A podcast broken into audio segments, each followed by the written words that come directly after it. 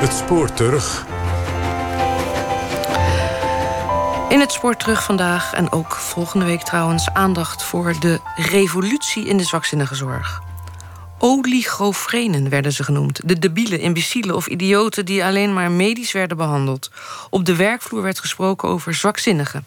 En die moesten vanaf de jaren 70 niet meer medisch, maar menselijk worden benaderd.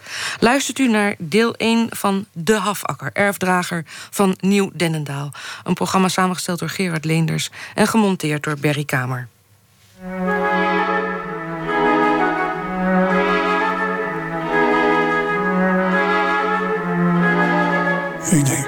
Ben ik nou toch terechtgekomen? Het was zo een troosteloze bende. De tijd was er opeens rijp voor, dus wij kregen alle ruimte. Ga je gang, doe maar. Mensen hebben recht op een individuele begeleiding, op aandacht, op zorg, ja, menselijkheid. Hij werd aan de kant geschoven, paste niet meer in het patroon. Ik heb het altijd toegejuicht.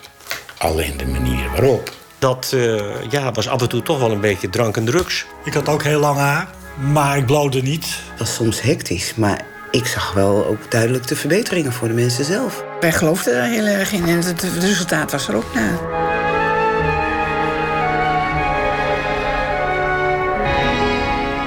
Het hek staat open, dus we kunnen zo het kerkhof uh, oplopen.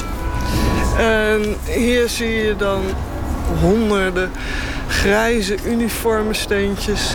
Maar je ziet ook allerlei grafmonumenten die afwijken. Een houten kruis, daar zie je wit met rood kruis. En daar, ja, daar zie je de step van Adriaan. en dat was ook de wens van Adriaan zelf. Op mijn graf moet je mijn step zetten. En dan moet je zorgen dat de bel er niet afgejat wordt. Op gewijde grond vertelt historicus Inge Mans enthousiast een herinnering aan een van de bewoners van de Havakker. De, zoals dat toen genoemd werd, zwakzinnige afdeling van psychiatrische inrichting Sint-Bavo in Noordwijkerhout. Ze schreef over de geschiedenis van de Havakker het boek Het Hart van de Zorg, maar is daar ook jarenlang groepsleidster geweest. Sint-Bavo uh, is opgericht in 1914 door de Broeders van Liefde. En die hadden al een aantal gestichten in uh, Vlaanderen en in Zuid-Nederland. Maar al die gestichten liepen rond de 1900 enorm vol. Dus eigenlijk was er steeds behoefte aan nieuwe. En zij wilden graag, de Broeders van Liefde wilden graag een katholieke uh, krankzinnige gesticht, zoals ze toen heette, in, uh, in het westen van Nederland hebben. En uh, nou, toen is de keuze hier op uh, de goedkope grond van Noordwijkerhout uh, gevallen. Dus ze begonnen zeg maar met 50, 100 patiënten.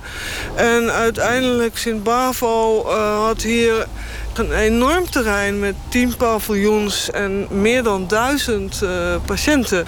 Maar bij een onderzoek bleek dat toch minstens een derde van de BAVO-bevolking uit zwakzinnigen bestond.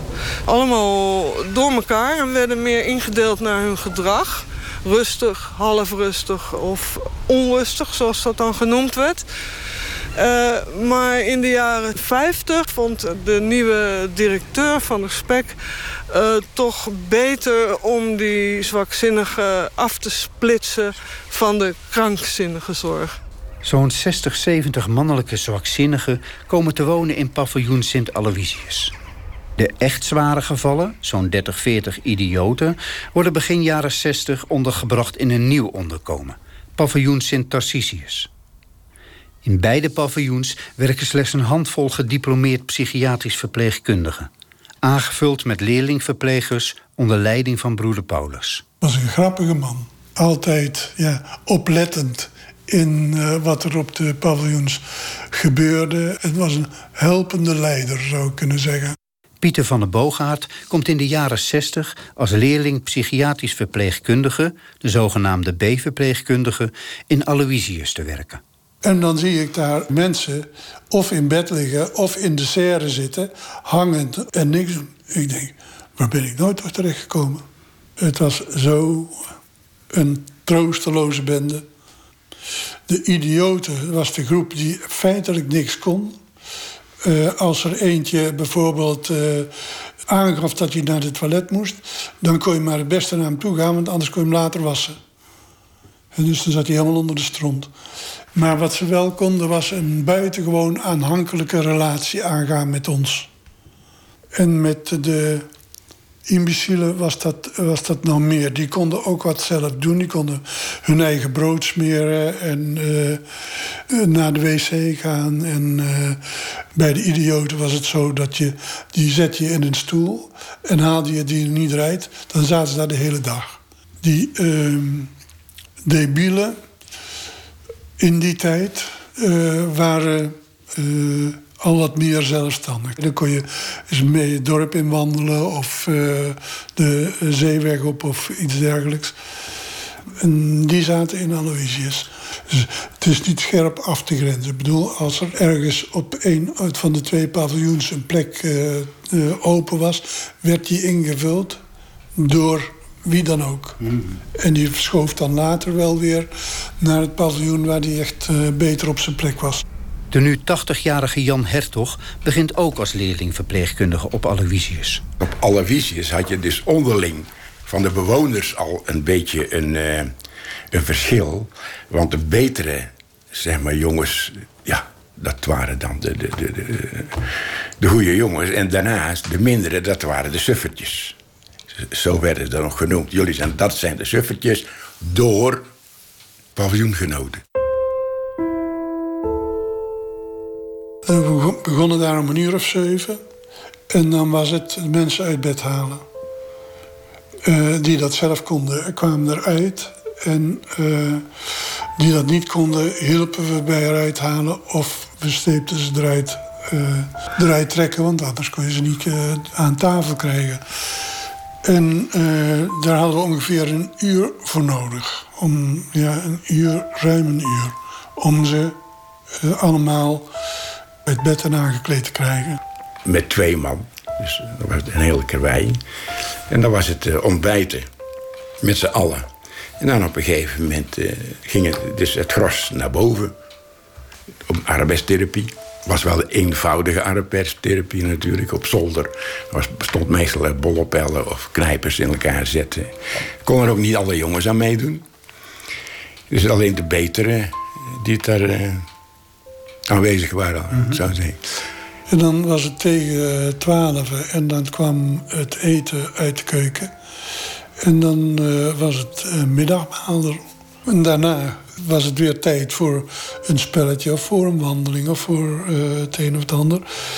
Tot aan het avondeten. En dan was dat ook het einde van de dag. Dus dan werd iedereen weer het bed in gemanoeuvreerd. Zo zag een dag eruit. Na een paar jaar komt Jan Hertog te werken in Tarcisius. Tarcisius was één grote ruimte. Drie slaapzalen plus een dagverblijfzaal. Met helemaal glas, want je had weinig personeel. Erin geen schilderijtje aan de muur. Eh, ongezellig. Maar wel doelmatig. We zijn het ook bij die plassen waar ze staan. En eh, het vaste ritueel was ook altijd vier keer per dag jongens, kom, allemaal plassen. Allemaal naar de wc. En dan ging dat allemaal in stoet. Ging dat, uh, waar je bij moest helpen, uiteraard. Dus er waren mindere mensen die dus weinig konden praten. Weinig uh, activiteiten konden vertonen. Dus ja, zitten, zitten.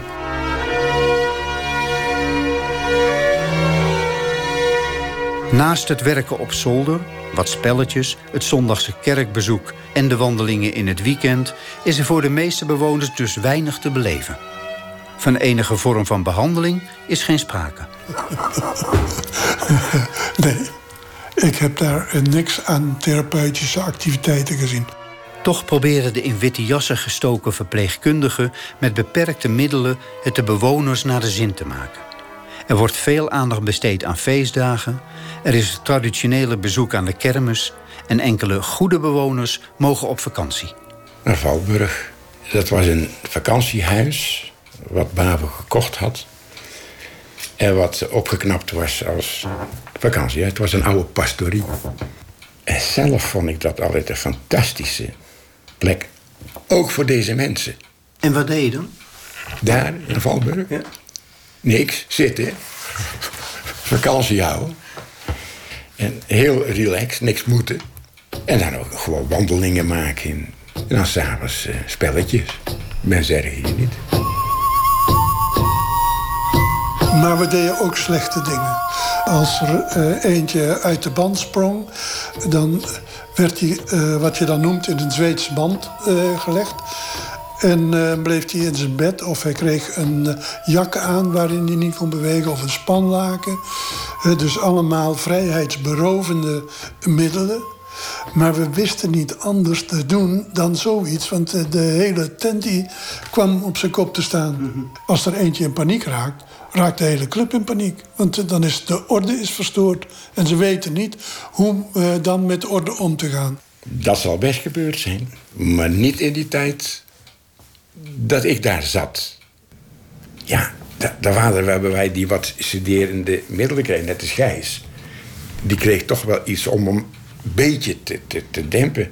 Maar ook niet in die mate dat hij in mijn beleving dat hij surfer was.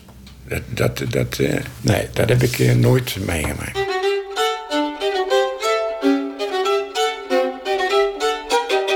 De opsluiting in grote troosteloze paviljoens en het gebruik van behandelmethoden zoals de dwangbuis, het spanlaken en overvloedig medicijngebruik krijgen steeds meer kritiek vanuit een nieuwe generatie therapeuten, psychologen en psychiaters. Zij zien veel meer in humanisering van de psychiatrische en zwakzinnige patiënt. De kritische geluiden krijgen ook gehoor binnen de muren van Sint-Bavo... waar Kai Okma, als eerste niet-katholiek... sinds 1968 werkzaam is als klinisch psycholoog. De belangrijkste verandering, wat mij betreft, die kwam toen een aantal uh, jongere stafleden, waaronder ik dus eigenlijk, begonnen ons uh, te verzetten tegen dat rare uh, hele, dat rare inrichtingssysteem. Mensen kwamen al binnen, er werd een hoop werk van ze gemaakt als ze binnenkwamen. En dan was er een handvol uitverkorenen, die konden dan in al een of andere behandeling komen. Maar het grote gros verdween eigenlijk uh, in de anonimiteit van dat achterland. Die hele grote paviljoenen met 60, 70 mensen. Grote zalen enzovoorts dat was iets wat een aantal collega's en ik dus eigenlijk uh, vonden... We, dat, dat, dat, zo kan dat niet. Dat kan niet meer. En wij kregen toen de kans uh, van de leiding toen van die inrichting... om, nou ja, zet maar eens op papier wat jullie bezwaren zijn... en ook uh, wat je dan voorstelt hoe het beter kan. De nu 79-jarige Okma krijgt de taak om de zwakzinnige afdelingen onder de loep te nemen...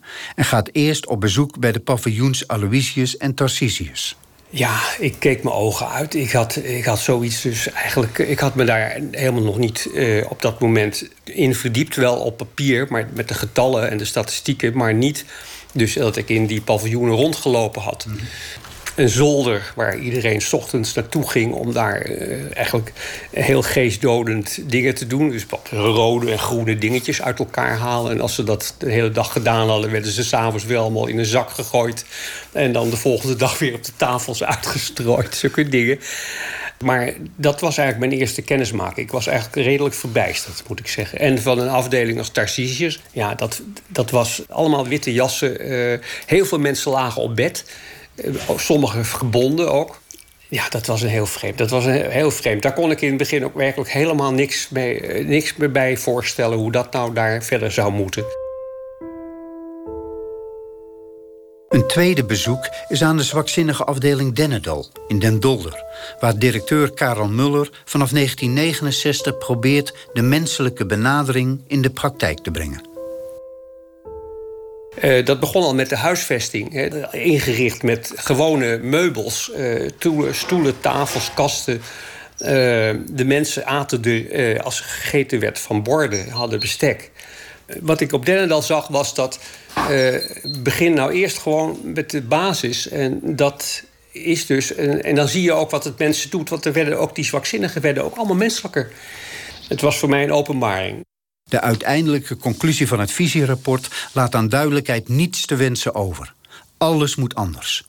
Voor de zwakzinnigen moet onder meer een betere huisvesting komen, kleinere groepen, meer zorg en veel meer personeel. dat rapport dat werd dus omarmd door de leiding. En die zeiden toen van nou, uh, ga je gang, doe maar. Kai Okma, die helemaal geen ervaring heeft in de zwakzinnige zorg... vraagt verpleegkundige Mieke van Blarkum om te helpen bij zijn plannen tot verandering. Ook zij heeft een kritische houding tegenover de verouderde medische benadering van zwakzinnigen. Maar belangrijker, zij is ook de enige gediplomeerd zwakzinnige verpleegster in Sint-Bavo. Haar antwoord is helder. Ik vind prima, maar er moet echt wel wat gebeuren. Anders dan, ik ga daar niet werken om, om het in stand te houden. Want dat vond ik uh, mensontwaardig eigenlijk. Ja, ik vond het echt mensontwaardig. Mensen hadden geen privacy, geen eigen identiteit. Uh, uh, door de weekse kleding. in het weekend werden ze een beetje opgepoetst. Als er familiebezoek kwam, was er bezoekkleding. Moest je gewoon even kijken of het paste. En vond ook wel dat het er behoorlijk stonk. Want ze gebruikten toen nog van die kapotmatrassen die je dan om moest draaien. Nou, dat was echt. Ja, en als het een beetje als het niet goed meer was, dan werden ze weer opnieuw gevuld op, het, uh, op, de, op, op de werkplaats waar ze die matrassen weer een beetje in orde maakten. Geen, geen ja, grijs, grijs volkje, zeg maar. En, maar als ik dat zo zeg, de mensen die daar toen werkten, werkten er ook al wel met hart en ziel. Ik wil niet zeggen dat ze geen goede, goed gevoel hadden voor de, voor de bewoners, zoals wij ze noemden zij hebben ook met hun liefde en met hun aandacht dat willen doen, maar dan met beperkte mogelijkheden.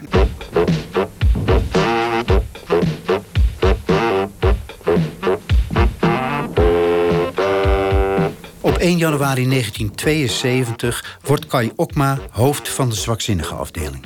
Hij heeft de tijd mee. Er is een hervormingsgezinde geneesheer directeur aangesteld. En de broeders, steeds minder in aantal, hebben zich in 1971 teruggetrokken uit de leiding. Okma mag nieuw personeel aantrekken.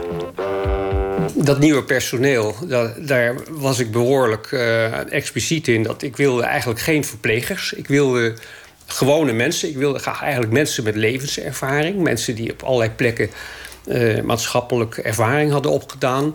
Uh, en die ik dan eigenlijk op hun eigen menselijke intuïtie wilde laten werken daar. En wilde proberen gewoon uh, normale uh, omstandigheden te creëren. En, dus wij, wij hadden een advertentie in de krant gezet. er stond gewoon, vroegen gewone mensen. We zoeken groepsleiders die onze zwakzinnige inrichtingsbewoners een menselijk bestaan willen geven.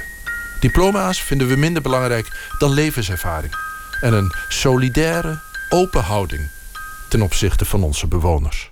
Zo blanco mogelijk en, en, en gewoon met je eigen intuïtie, je eigen uh, menselijke eh, opvattingen dat werk gaan aanpakken. En die medewerkers, dat waren dus uh, nogal mensen vanuit, uh, ja, ik zou bijna zeggen, echt de zestiger jaar, een beetje de hippie scene. Eh, met lange haren en uh, met uh, drugsverleden.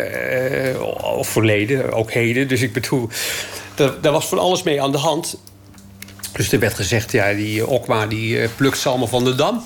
Zoiets, hè, dat, dat, dat, langharig tuig. En, dat, daar, was heel veel opschudding toen de tijd in die BAVO. Dat was, je kon gewoon die mensen ook uiterlijk zien. Die, die zagen er gewoon anders uit dan de andere mensen die je daar eerder al had.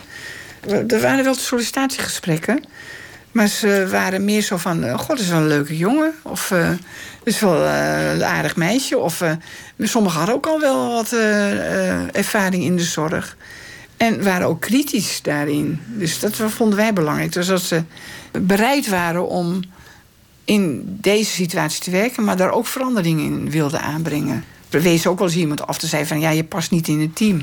Gebeurde ook wel eens iemand helemaal er niet mee eens was. En hadden we nog, zei nou oké, kom dan nog maar eens weer een gesprek doen. En werden ze wel aangenomen. Mondige mensen. Dus die trokken wij aan. Ja, ze kwamen natuurlijk uit een, een, een, een eigen wereldje. En die namen ze ook mee. En dat uh, ja, was af en toe toch wel een beetje drank en drugs. Uh, hoe je het ook draait of keert. Dat was wel een beetje natuurlijk die periode. Aan het woord is Hans Hogeveen. Een van de eerste nieuwe mensen die solliciteert. Hij werkt destijds in een bar in Amsterdam is redelijk aan de drank en ziet werken met zwakzinnigen als een nieuwe uitdaging. Hij herinnert zich zijn eerste werkdag op Aloysius nog levendig. Ik had dat natuurlijk nog nooit gezien, dus ik schrok me ook, ook rot. Ja? En eh, ja, ik bedoel, de een die vliegt om je nek... en de ander die, die, die, die, die gaat allemaal rare kreten uitstoten. En eh, ja, dat was best eigenlijk heel, eh, heel ongemakkelijk. En uh, er was nog een ander paviljoen, dat heette Tarsisis, dat lag ernaast. Dat was echt voor de diepersvaccinigen. Ja, dat was nog veel erger. Dat stonk naar pies en poep. En mensen lagen allemaal vastgebonden op bed. En daarachter was een soort ruimte met een soort loketje erin... waar mensen naakten en in de uitwerpselen liepen. Dus vreselijk, vreselijk. Ja. Van die heel veel wrongen gezichten en... en, en ja, af en toe dacht ik, jee, zijn dit nou mensen, weet je, bij wijze van spreken...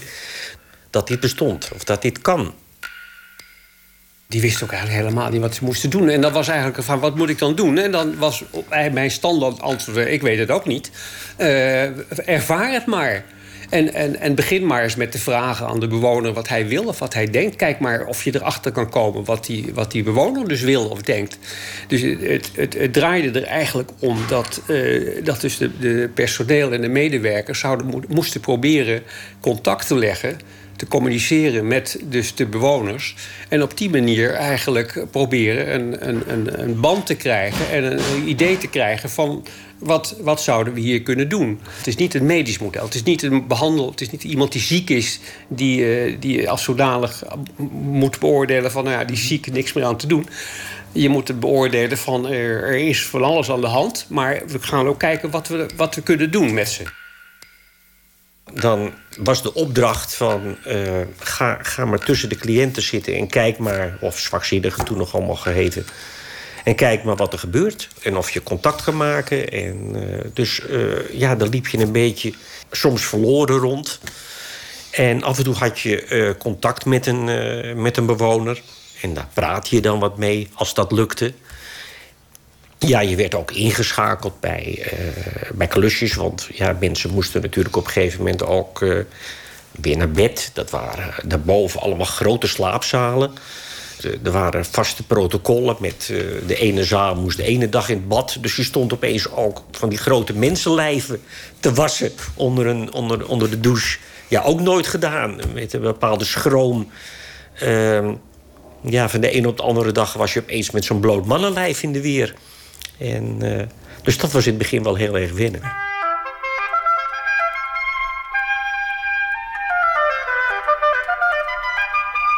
Het is een periode van verkennen en grenzen opzoeken. De deuren gaan van het slot, de witte jassen worden uitgedaan... en er wordt naar oplossingen gezocht voor problemen. Mieke van Blarkum. Van bijvoorbeeld uh, ja, iemand uh, bleef maar koffie drinken. Weet je, het was helemaal easy op koffie drinken. Toen zeiden we, nou oké, okay, weet je wat we doen? Want we waren constant bezig, die, die kan maar ergens weg gaan. Laat hem eens zijn gang gaan, kijken tot hoe ver die gaat. Op een gegeven moment moet je toch genoeg hebben. Weet je, dus dat dorsten we wel aan te gaan. He, dus we gingen het niet allemaal pamperen. Mm -hmm. We gingen ook dat gepamper ook een beetje loslaten. En ja, dat, de ene keer pakte het goed uit, en de andere keer... He, iemand die altijd gewend was in een dwangbuis rond te lopen... ja, ga je hem losmaken. Ja, wat, wat gebeurt er dan? Hè? Dus dan? Maar als jij altijd vastgebonden bent en je wordt ineens losgelaten... weet jij ook geen raad. denk je, oh... Dus die kwam zelf al met zijn dwangbuis van... Uh, ik wil, maak me vast... En dan moest je dat heel langzaam moest je dat gaan veranderen. En met gevolg dat hij weer gaat scheuren of bijten, spugen, dingen. En dus de deuren gingen open. En dat wil zeggen dus dat je daarin wel wat risico's nam. Mensen gingen weglopen. Die liepen gewoon naar buiten. Uh, of, uh, bedoel, als de familie kwam... Die, die werd in een soort wachtkamertje gezet voor het paviljoen. En mensen werden uit de gezichtskleding gehaald en, en gewassen, de haren gekamd en keurig afgeleverd bij de familie. Ja, maar toen we die deuren opendeden en die familie naar binnen kwam, die wisten natuurlijk ook niet wat ze zagen. Dus dat was echt, uh, ja, dat, dat riep nogal wat op. Die, die cultuur, die, die ging, dat ging hard. En dat betekent dat dus de oudere garde uh, in meerderheid niet, niet mee kon. En op een gegeven moment dan ging afhaken. Tot de oudere garde hoort ook de intussen overleden Meindert Hin. Als eerste verpleger bestierde hij jarenlang met hart en ziel paviljoen Sint Aloysius. Zo vertelt zijn vrouw Dini. Totdat de verandering komt. Hij werd aan de kant geschoven. Die zat, dat was van, van de oude stempel en dat paste niet meer in het patroon. Het moest allemaal heel modern en daar was mij dat eigenlijk wel tegen. Ze moesten naar buiten, de, bewoners moesten allemaal naar buiten. En nou, hij zegt, dat gaat niet. En hij is toen helemaal in het proet geraakt. Helemaal overspannen geweest. Kon hij ergens anders gaan werken, want hij telde niet meer mee. De patiënten moesten een vrije gang kunnen gaan en rustig naar buiten gaan. En, en nou ja, dat konden ze toch niet zomaar. Het, het, het hoorde niet. Het moest zoals ook maar dat wilde. Ja, en daar was mij tegen, dus dat botste. Dat wilde helemaal niet. Nee, hij is toen helemaal van de kook geweest. Hij heeft bij een psycholoog gelopen. Nou, dat, dat, doen ze niet zomaar. Nee, ging helemaal niet goed. Jammer. De alles moet anders gedachte, ingegeven door een menselijke benadering, wordt zoveel mogelijk doorgevoerd. Bijvoorbeeld door paviljoen Aloysius gezelliger te maken. We sleepten de banken en dingen naartoe. Ja, het was wel zo dat er een keer inspectie kwam en die zei van ja, als je dit soort meubilair in huis hebt, dan vraag je wel om uh, dat ze de boel afbreken. Weet je, dus wij vonden het allemaal wel heel geweldig, maar het voldeed natuurlijk totaal niet aan de eisen. Dus uh, zoals eigenlijk een, uh, netjes een, een, huis zou moeten uitzien. Mm Maar wij waren al blij met, met een gekleurde bank en met een tafelkleedje en plantjes. De, de oude aanpak op die zolder met dat sorteren van die spullen, dat werd afgeschaft. He, daar kwamen andere soorten van bezigheden voor in de plaats. Er ontstond allerlei nieuw gedrag. Ook al bijvoorbeeld door, uh, wat ik al zei, het gaan eten van borden en met bestek. Het zijn dus kleine stappen, maar ze, zijn wel heel, ze betekenen wel heel erg veel. Ja, dat je mensen bij wijze van spreken hun, hun eigen brood laat smeren. Of dat je mensen keuzes kon gaan aanbieden. Uh, wil je jam op je brood of wil je kaas op je brood? Dat waren dingen die natuurlijk allemaal niet gebeurden.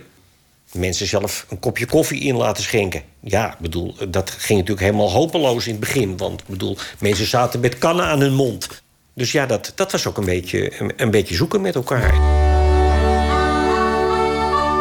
Op Aloysius is al snel enig resultaat te zien van de menselijke aanpak. Maar op Tarsicius, het paviljoen met de diep zwakzinnige, blijft alles voorlopig bij het oude. De beverplegers blijven daar recepten zwaaien en moeten ook weinig hebben van Okma en zijn ideeën. Tineke van Beers komt in november 1972 werken als, zoals later blijkt, de laatste leerling-verpleegkundige. We hadden een witte jas aan. Ik begon met een kop koffie en dienstoverdracht. En dan gingen we aan het werk. De mensen werden wakker gemaakt. De TL-buizen gingen aan. De gordijnen werden opengetrokken. Het ging niet zachtzinnig. Het moest werken, werken, werken. En voor die mensen, ja, die werden opgejaagd. En daar bij die douche was het een soort lopende band. Eentje kleedde de mensen uit. Een ander zette ze onder de douche, zeepte ze in. Weer een ander spoelde ze af, droogde ze af. En om acht uur zaten alle dertig de mannen aan tafel... achter de pap die nachtdienst had gemaakt. Hele gore, doorgekookte pap met waar eieren in gingen. En ze waren allemaal zo snel klaar, omdat uh, je hoefde niet te kijken wie wat aantrok. Je hoefde alleen maar te kijken van uh, klein, middel, groot. Driematige stichtkleding. Dus je trok ze allemaal uh, naar het ondergoed een broek aan. En een soort hes. Dat waren ook van die broeken met gewoon een elastiek van boven. Het was, ja, dat was, zo waren ze gekleed, mm. allemaal. Nou, dan ben je wel klaar om acht uur met dertig mensen. Na een paar maanden komt dan toch verandering. Ook op Tarsicius worden nieuwe medewerkers geplaatst. Lange haren, uh, bloemetjesjurken. Uh, met alternatieve slagmensen, ja. Die het allemaal niet zo uh, heel belangrijk vonden hoe het hoorde. Die het belangrijker vonden om naar de kern te kijken van wat is belangrijk voor deze mensen. Het waren wel de juiste mensen op de juiste plek op dat moment. Maar het botste wel eens met regels die er waren. Nou, daar konden dus die, die nieuwe medewerkers totaal niet mee uit de voeten. Dus die, die gingen dat meteen ter discussie stellen. En, en waarom moet Gijs eh, steeds in die isoleer? Laten we eens kijken wat er gebeurt als we hem uh, niet in de isoleer stoppen.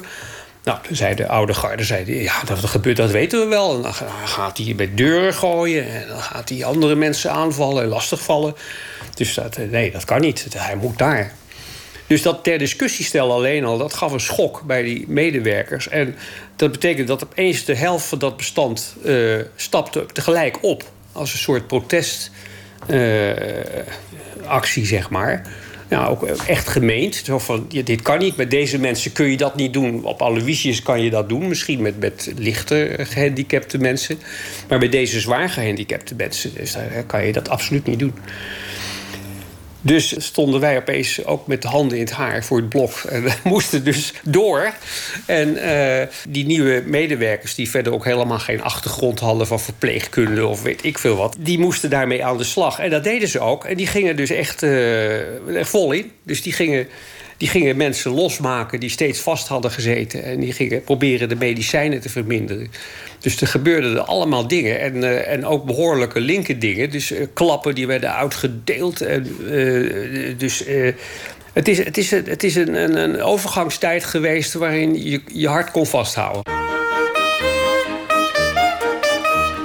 Ja, tot zover deel 1. Volgende week het vervolg over de hobbelige weg om sommige idealen toch te bereiken.